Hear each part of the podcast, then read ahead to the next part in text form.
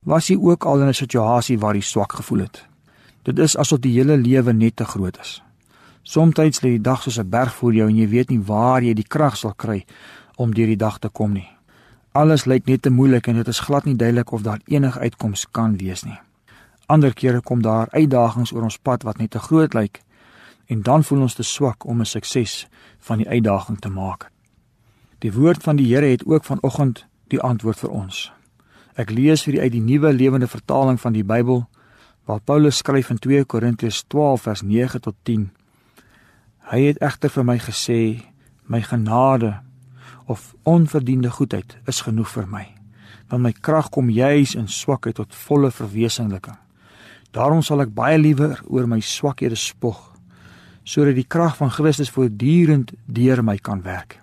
Ek is dus tevrede met my swakhede, beledigings, ontberings, vervolgings en benoudhede ter wille van Christus. Want wanneer ek swak is, juis dan is ek sterk.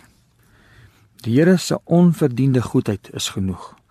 Al wat ons moet doen is om te onthou dat as ons swak is, ons meer van die Here afhanklik is. Omdat die Here vir sy kinders genadig is, kan hy hulle in hulle swakheid help.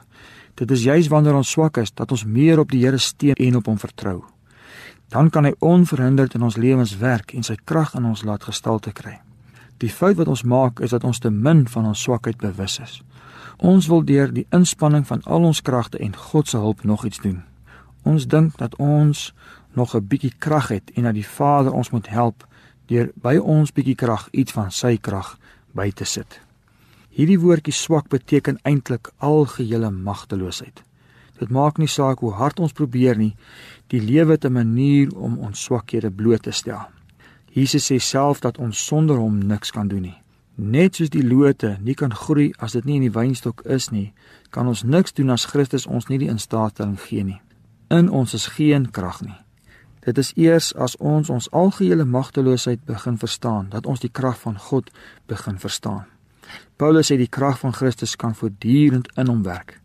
Dit beteken dat die krag van Christus my kan oorskadu soos 'n tent en in my woning maak. Paulus het rede gehad om te kan spog met sy swakhede. Paulus is 'n pragtige voorbeeld van iemand wat ervaar hoe dit voel om swak te wees.